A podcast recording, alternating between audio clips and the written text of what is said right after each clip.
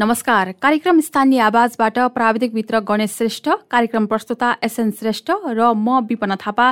कार्यक्रमको यो अङ्कमा तपाईँलाई हार्दिक स्वागत गर्दछौ। कार्यक्रम स्थानीय आवाज हरेक दिन ठिक साँझ साढे सात बजेदेखि आधा घण्टा radio candid ninety two point seven mega हजमा हाम्रो website W W W dot radio candid dot कममा हाम्रो आधिकारिक फेसबुक पेज रेडियो क्यान्डिडको एप्स डाउनलोड गरेर तथा पोडकास्टमा समेत सुन्न सक्नुहुनेछ। श्रोता मस्टा गाउँपालिका सुदूरपश्चिम प्रदेशको बजाङ जिल्लामा अवस्थित छ। उच्च पहाडी जिल्लाको रूपमा रहेका बजाङ जिल्लाकै धरातलीय विशेषता झल्काउने यस गाउँपालिका साबिकका कोट देवाल भाते खोला रेलु र मस्टा गाविस मिलेर बनेको छ। यो गाउँपालिकाको क्षेत्रफल एक सय नौ दशमलव दुई चार वर्ग किलोमिटर रहेको छ। यस गाउँपालिकाको सिमाना पूर्वमा बाजुरा जिल्ला पश्चिममा जयपृथ्वी नगरपालिका उत्तरमा तलकोट गाउँपालिका र दक्षिणमा जयपृथ्वी नगरपालिका र बाजुरा जिल्ला रहेको छ। आज हामीले यसै गाउँपालिकाका अध्यक्ष ज्ञानबहादुर बोहरालाई कुन क्षेत्रलाई प्राथमिकतामा राखेर काम गरिरहनु भएको छ भनेर सोधेका छौँ। पहिलो प्राथमिकता भनेको शिक्षा स्वास्थ्य वन वातावरण विशेष गरेर आर्थिक उपार्जनका क्षेत्र र भौतिक पूर्वाधार निर्माणलाई आधार मानिकन हामीले यसलाई प्राथमिकतामा राखेका छौँ हजुर अब शिक्षालाई मुख्य प्राथमिकतामा राखेको छौँ भन्नुभयो त्यहाँ शिक्षाको अवस्था के छ? पर्याप्त मात्रामा जनशक्ति छ कि छैन? अब विद्यार्थीहरूलाई जुन मात्रामा यो क्वालिटी एजुकेसन प्रदान गर्नुपर्ने हो त्यो मात्रामा क्वालिटी एजुकेसन उपलब्ध हुन सकिरहेको छैन। हामीले शिक्षा क्षेत्रमा यो गुणस्तरीय शिक्षालाई गुणस्तरीय शिक्षाको स्तर उन्नतिको लागि हामीले काम गर्ने सोच बनाएको छौँ। त्यसको साथसाथै विद्यालयको भौतिक संरचना निर्माणलाई पनि हामीले जोड दिएको छौँ सँगसँगै। त्यसपछि विद्यालय परिवार विशेष गरेर शिक्षाको विद्यालयमा नियमित पठन पाठनको व्यवस्था पूर्व तयारी शिक्षकको पूर्व तयारी र विद्यार्थीहरूलाई जसरी शिक्षा प्रदान गर्नुपर्ने हो त्यो विषयवस्तुको बारेमा शिक्षकहरूले पूर्ण तयारीका साथ एउटा विद्यालयमा प्रवेश गर्नको निमित्त हामीले वातावरण सिर्जना गर्ने सोच बनाएका छौँ त्यही अनुसार हामीले काम गरिरहेका छौँ हजुर त्यहाँको सामुदायिक विद्यालयको अवस्था चाहिँ कस्तो छ? सामुदायिक विद्यालयको अवस्था विशेष गरेर धेरैवटा विद्यालयहरूमा निजी शिक्षकबाट सेवाहरू उपलब्ध गराइरहेको अवस्था छ। त्यो निजी शिक्षकहरूलाई पूर्ण रूपमा तलब सुविधा दिन सकिरहेको विद्यालयले त्यो अवस्था चाहिँ देखिँदैन।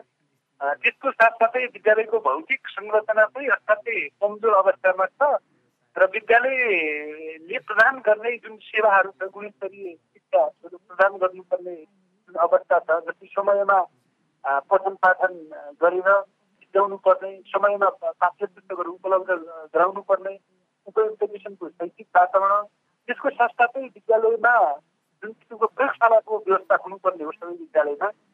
त्यो अवस्था चाहिँ देखिँदैन। त्यो क्षेत्रमा असाध्यै कमजोर देखिन्छ। त्यो अवस्थालाई सुधार गर्नको लागि मत्स्य गाउँपालिका लागिरहेको हजुर अब शिक्षासँगै स्वास्थ्यको कुरा पनि जोडिएर आउँछ। स्वास्थ्यको पहुँच कति छ? स्वास्थ्य क्षेत्रको विकासको लागि कस्तो योजना ल्याउनु भएको छ? हामीले विशेष गरेर पहिले भइरहेको स्रोत साधनलाई दृष्टिगत प्रयोग र परिचालन गरेर र जनता जनताहरूलाई प्रभावकारी रूपमा सेवा उपलब्ध गराउने एउटा मेकानिजमको हामीले विकास गरिरहेका छौँ। त्यो मेकानिजममा रहेर र जनताहरूलाई घर दैलोमा सेवा सुविधा उपलब्ध गराउनको निमित्त एउटा त स्वास्थ्य चौकी र आधारको स्वास्थ्य केन्द्रबाट स्वास्थ्य सेवा सेवाहरू सजिलै तरिकाले उपलब्ध गराउने व्यवस्था गरेका छौँ र त्यसको साथसाथै यो घर दैलो यो क्लिनिकहरू सञ्चालन गरेर घर दैलो स्वास्थ्य अभियानहरू सञ्चालन गरेर घरको वृद्धहरू ज्येष्ठ नागरिकहरू अपाङ्गता भएका व्यक्तिहरूलाई घर दैलो स्वास्थ्य सेवा उपलब्ध गराउने कामको लागि पनि तपाईँको हामीले निरन्तरता दिएको छु। यो सम्बन्धी आवश्यक व्यवस्था पनि गरेको छ हामीले। त्यसको साथसाथै मत्स्य गाउँ कार्यपालिकाको पहिलो निर्णयबाट हामीले के सुविधा उपलब्ध गराएको छ भने मत्स्य गाउँपालिकामा एउटा एम्बुलेन्स सेवा उपलब्ध छ। है महिलाहरूलाई स्वास्थ्य स्वास्थ्य केन्द्रहरूमा अथवा त्योभन्दा पनि माथिल्लो स्तरमा औषधि उपचार गराउनु पर्ने अवस्था छ भने त्यो व्यक्तिहरूलाई निशुल्क एम्बुलेन्स सेवा उपलब्ध गराउने पनि हामी काम गरिरहेका हजुर जस्तो बझाङ जिल्लाको अरू पालिका मध्ये मस्ता गाउँपालिका अलिक सुगम गाउँपालिका पनि हो भनिन्छ। यहाँ चाहिँ सबै ओडामा यहाँको सबै ओडामा बाटोघाटो बिजुली खानेपानीको अवस्था के छ?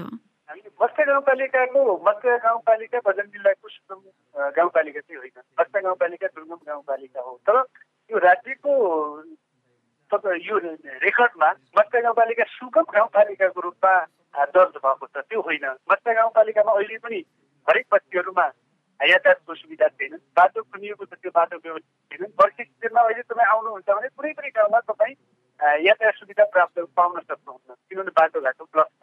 अहिले हरेक गाउँ बस्तीमा यातायातको सुविधा पुग्न सकिरहेको अवस्था छैन। खानेपानीको अवस्था पनि त्यति त्यतिकै मात्रामा एटी पर्सेन्ट जनताहरूले खानेपानीको सेवा सुविधाबाट र अहिले पनि। त्यसो बिजुलीको अवस्था पुग्ने हो भने यो लघु जलविद्युत परियोजनाहरू त्यो ठाउँमा सञ्चालन भएका थिए र अहिले कतिपय लघु जलविद्युतबाट बत्तीको व्यवस्था उपलब्ध भएको छ र कतिपय गाउँ बस्तीहरूमा अहिले अँध्यारोमा बस्न विवश छन्। त्यसैले मत्स्य गाउँपालिकाले यो अँध्यारोयुक्त गाउँपालिका र उज्यालोयुक्त गाउँपालिकाको लागि राष्ट्रिय विद्युत प्रसारण लाइन जोडेर यसको डेढ वर्षभित्र हरेक गाउँ बस्तीहरूमा राष्ट्रिय प्रसारण लाइनबाट बिजुलीहरू बिजुली उपलब्ध गराउने मत्स्य गाउँपालिकाले सोच राखेको छ। त्यो अनुसार मत्स्य गाउँपालिका क्रियाशील भएर लागू गरिरहेको अवस्था छ। तपाईँले भन्नुभयो एट्टी पर्सेन्ट जनता चाहिँ खानेपानीबाट वञ्चित छन् भन्नुभयो। खानेपानीको समाधानका लागि कुनै योजना ल्याउनु भएको छ त? हामीले अहिले तत्कालीन अवस्थामा दुईटा एक घर एक खानेपानीको धारा उपलब्ध गराउनको लागि दुईटा योजनाहरू सञ्चालन हुने अवस्थामा छन्। र स्थानीय तहले हरेक जनताले शुद्ध खानेपानीको व्यवस्था उपलब्ध गराउनको निमित्त हामीले बजेट विनियोजन पनि गरेका छौँ र त्यो बजेट विनियोजन अनुसार हामीले योजना बनाएअनुसार हामी त्यसको प्रभावकारी रूपमा कार्यान्वयन गर्छौँ। र यसको दुई वर्षभित्र हरेक मत्स्य गाउँपालिकाका सम्पूर्ण जनताहरूले शुद्ध खानेपानी उपलब्ध गराउने हामी व्यवस्था गर्छौँ र हरेक जनताहरूले शुद्ध खानेपानी उपलब्ध गर्नेछन्। यसको दुई वर्षभित्र हामीले त्यो योजना लिएर आएका छौँ। हजुर वर्षायाम सुरु भएसँगै धेरै ठाउँमा बाढी पहिरोको जोखिम पनि बढ्ने गर्छ। तपाईँको गाउँपालिकामा जोखिम व्यवस्थापनको तयारी कसरी गर्दै हुनुहुन्छ? गाउँपालिकामा असाध्यै यो विपदबाट प्रताडित गाउँपालिका रूपमा चिनिन्छ। र जथाभावी डोजरले बाटो उत्खनन गर्दा त्यसले पारेको परिणामहरू जस्तै पहिरो र बाढी कतिपय घरबार दिइने अवस्था कतिपय गाउँ बस्तीहरू पहिरोबाट सखा हुनुपर्ने अवस्था छ। यसबाट हामी सचेत छौँ। यसको पूर्व तयारीको निमित्त र हामी लागेका छौँ। यो वर्ष पनि हामीले विपदको क्षेत्रमा एक करोड रुपियाँ जति विनियोजन गरेका छौँ। र त्यसबाट बच्नको लागि आगामी दिनमा हरेक विपदहरूबाट बच्नको लागि विपद न्यूनीकरण हामी कार्ययोजना पनि बनाइरहेको छौँ। त्यही अनुसार हामी जनताहरू र हामीहरू परिचालित हजुर अब मस्ट गाउँपालिकामा धेरैजना कृषिमा पनि आश्रित हुनुहुन्छ होला। खेतीको समय सुरु भएको छ। किसानलाई चाहिने बिउ मल बिजनहरूको कसरी व्यवस्थापन गर्दै हुनुहुन्छ?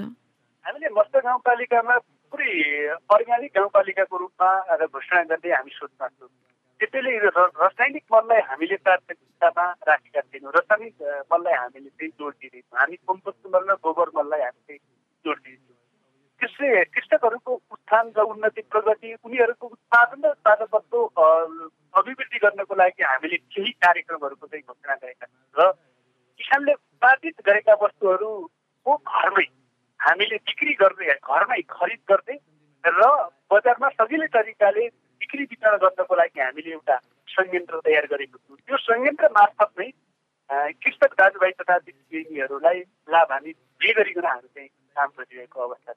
प्रत्येक ओडामा सङ्कलन केन्द्र त्यो सङ्कलन केन्द्रलाई बजारसम्म त्यो वस्तुहरू त्यो कृषि उपजलाई पुर्याउनको लागि कृषि एम्बुलेन्सको एम्बुलेन्सको व्यवस्था त्यसमा प्राइभेट सेक्टर र सहकारीलाई हामीले साझेदारीको रूपमा अगाडि बढेर विशेष गरेर त्यो मार्केटलाई र व्यवस्थापन गर्नको निमित्त हामीले काम गर्दैछौँ। त्यो सवालमा हामीले समन्वय गरिरहेका छौँ सम्पर्क गरिरहेको छौँ यसमा हामी काम गरिरहेका छौँ सुदूरपश्चिम प्रदेश यसै पनि पर्यटकीय गन्तव्य हो। अब यो बजाङ जिल्लामा पर्ने मस्ट गाउँपालिकामा पनि धेरै पर्यटकीय क्षेत्रहरू छन् होला। पर्यटकलाई आकर्षित गर्ने खालको कुन चाहिँ योजना ल्याउनु भएको छ? हामीले योजनाहरू त थुप्रै सुदूरपश्चिम प्रदेशमा हामीले पेस गरेको अवस्था हो। तर के कारणले गर्दाखेरि हामीले चाहेका योजनाहरू प्रदेशबाट उपलब्ध हुन सकिरहेका छैनन्? जे जे योजनाहरू प्रदेशबाट उपलब्ध भएका छन् र ती योजनाहरू कुनै व्यक्तिको चाहना व्यक्तिको इन्ट्रेस्ट को आधारमा योजनाहरू आएको जस्तो चाहिँ हामीलाई लागिरहेको छ। र प्रदेशले योजना विनियोजन गर्दाखेरि गाउँपालिकाले पठाएका योजनाहरू गाउँपालिकाको प्राथमिकता त्यहाँको आवश्यकताको आधारमा बजेटको विनियोजन गर्नुपर्ने हो। तर त्यो हुन सकिरहेको हजुर अहिले अब सामाजिक सुरक्षाको विषयमा पनि धेरै प्रश्न उठ्ने गरेका छन्। तपाईँको स्थानीय तहमा वृद्ध वृद्धा बालबालिका एकल महिला अपाङ्गता भएको व्यक्तिको समुदायको अवस्थालाई कसरी सुधार्ने सोच्नु भएको छ? अहिले हामीले सामाजिक सुरक्षालाई व्यवस्थित गर्नको निमित्त ब्याङ्किङ प्रणालीबाट हामीले अगाडि बढिरहेका छौँ।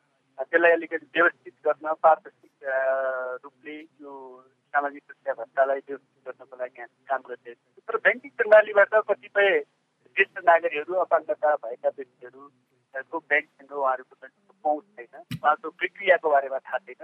र साधारण जनताहरूलाई यो ब्याङ्किङ प्रणालीमा अभ्यस्त गराउनको निमित्त यो प्रक्रियाको बारेमा बुझाउनको निमित्त हामीले चाहिँ काम गरिरहेको छौँ। अहिले मत्स्य गाउँपालिकामा ब्याङ्किङ कारोबारबाट हामीले ज्येष्ठ नागरिक भत्ता त्यसपछि अपाङ्गता भएका व्यक्तिहरूलाई भत्ता एकल महिला भत्ता बालबालिकाको भत्तालाई ब्याङ्किङ प्रणालीबाट हामीले अगाडि बढाउन पनि।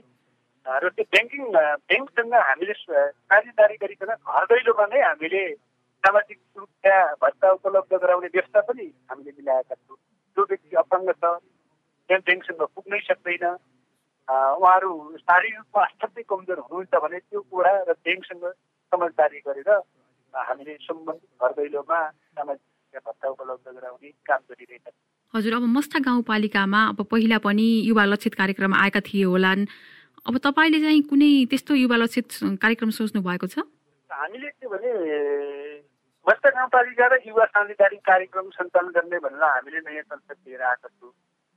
यो विपद व्यवस्थापन गर्नको निमित्त होस् तथा हरेक महामारीका विरुद्धमा लड्नको लागि। अथवा समाजमा भएका यो विसङ्गति र विकृतिका विरुद्धमा लड्नुहोस् तथा परम्परागत सोच दृष्टिकोणलाई परिवर्तन गर्नको निमित्त गाउँपालिकाले युवाहरूसँग साझेदारी गर्नुपर्छ।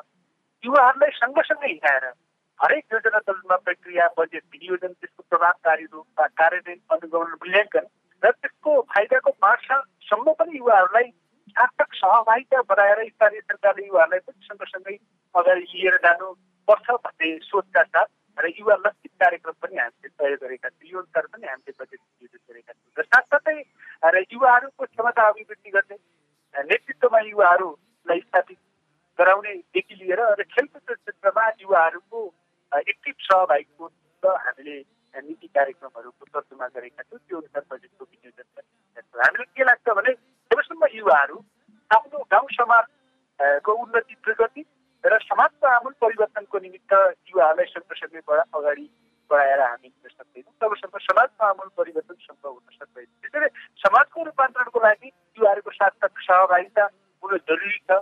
युवाहरूको सहभागिता गराउन जरुरी छ भन्ने कुरामा हामी दृढ विश्वास राख्छौँ।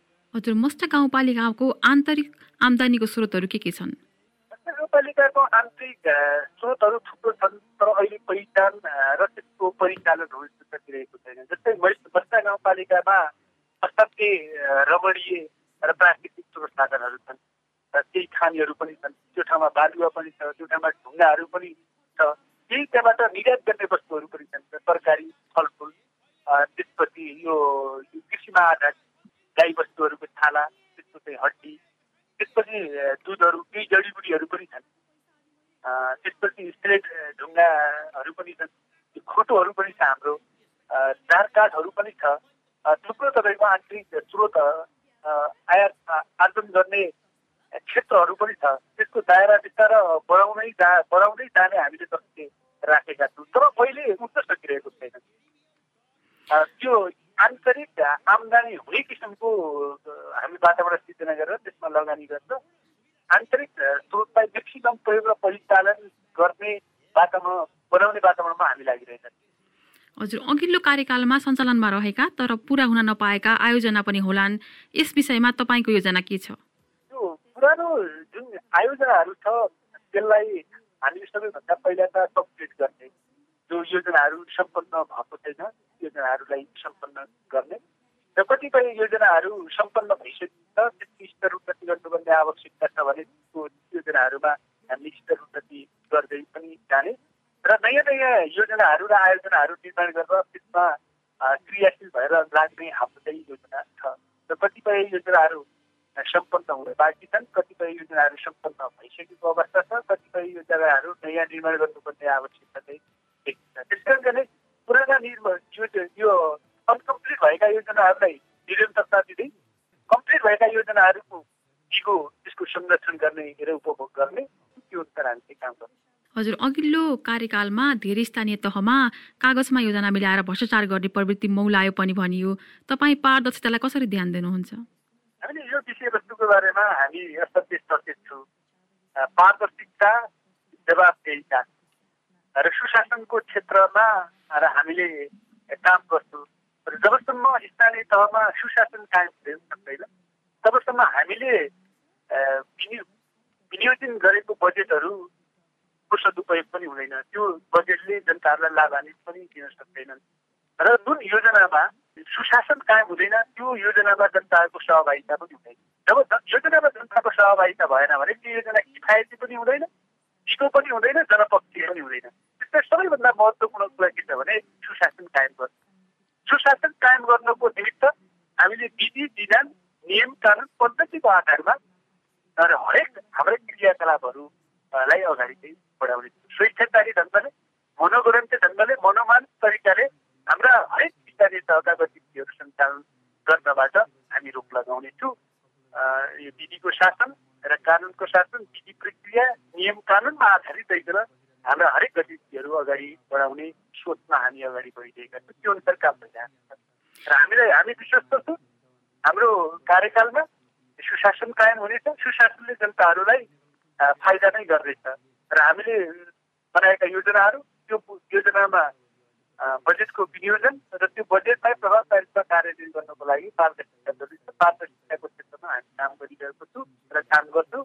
र कुनै पनि ठाउँमा दुरुपयोग स्रोत साधनको राज्यको स्रोत साधनको दुरुपयोग हुन दिनु हुन्न भन्ने पक्षमा हामी चाहिँ हजुर अन्त्यमा केन्द्र र प्रदेश सरकारसँग कसरी समन्वय गरेर अघि बढ्ने सोच्नु भएको छ हामीसँग असीमित इच्छा चाहना र आवश्यकताहरू छन् इच्छा चाहना र आवश्यकताहरू त्यस थोरै स्रोत असीमित इच्छा आवश्यकताहरूलाई परिपूर्ति गर्न सक्छ त्यसैले असीमित इच्छा आवश्यकता र चाहनालाई परिपूर्ति गर्नको लागि प्रदेश सरकारसँग सङ्घ सरकारसँग निरन्तर रूपमा सहकार्य नगरिकन हाम्रा आवश्यकताहरू परिवर्तन गर्न सक्दैन त्यसैले हरेक समस्याको समाधान गर्नको निमित्त होस् अथवा नयाँ काममा स्थानीय प्रदेश सरकार र सङ्घीय सरकारसँग साझेदारी गर्नको निमित्त हामी प्रभावकारी रूपमा समन्वय र सम्पर्क गरिकन हामी चाहिँ अगाडि बढ्छौँ। स्थानीय सरकार प्रदेश र सङ्घको सुमधुर सम्बन्धको आधारमा स्थानीय समस्याको समाधान स्थानीय स्थानीय तहमा देखिएका समस्याको समाधान गर्नको निमित्त हामी लागि पर्ने र त्यसको निमित्त स्थानीय प्रदेश सरकार र सङ्घीय सरकारसँग हामी समन्वयात्मक ढङ्गले काम गर्नेछौँ साझेदारी रूपमा हामीले काम गर्न हामीले हजुर हामीलाई समय दिनुभएकोमा धेरै धेरै धन्यवाद। धन्यवाद। मलाई आफ्ना विचारहरू राख्ने अवसर दिनुभएकोमा। आजको कार्यक्रम स्थानीय आवाजमा हामीले मस्ता गाउँपालिकाका अध्यक्ष ज्ञान बहादुर बोहरासँग आगामी योजनाका विषयमा केन्द्रित रहेर कुराकानी गर्यौं। कार्यक्रम सुनेपछि तपाईँलाई कुनै सुझाव दिन मन लागेको छ अथवा कुनै स्थानीय तहका प्रतिनिधिसँग कुराकानी गरिदिए हुन्थ्यो भन्ने चाहनुहुन्छ भने हामीलाई हाम्रो फेसबुक पेजमा मेसेज गर्नुहोस् अथवा कार्यक्रमको इमेल ठेगाना radio candid ninety two point seven at the rate Gmail dot कममा मेल गर्नुहोस्। उपयुक्त सुझावलाई हामी पक्कै ग्रहण गर्नेछौँ। कार्यक्रम सुनिदिनु भयो तपाईँलाई धन्यवाद। हस्त भोलि फेरि भेटौँला। गणेश श्रेष्ठ एसएन श्रेष्ठ विपना थापा विदा भयौँ। नमस्कार।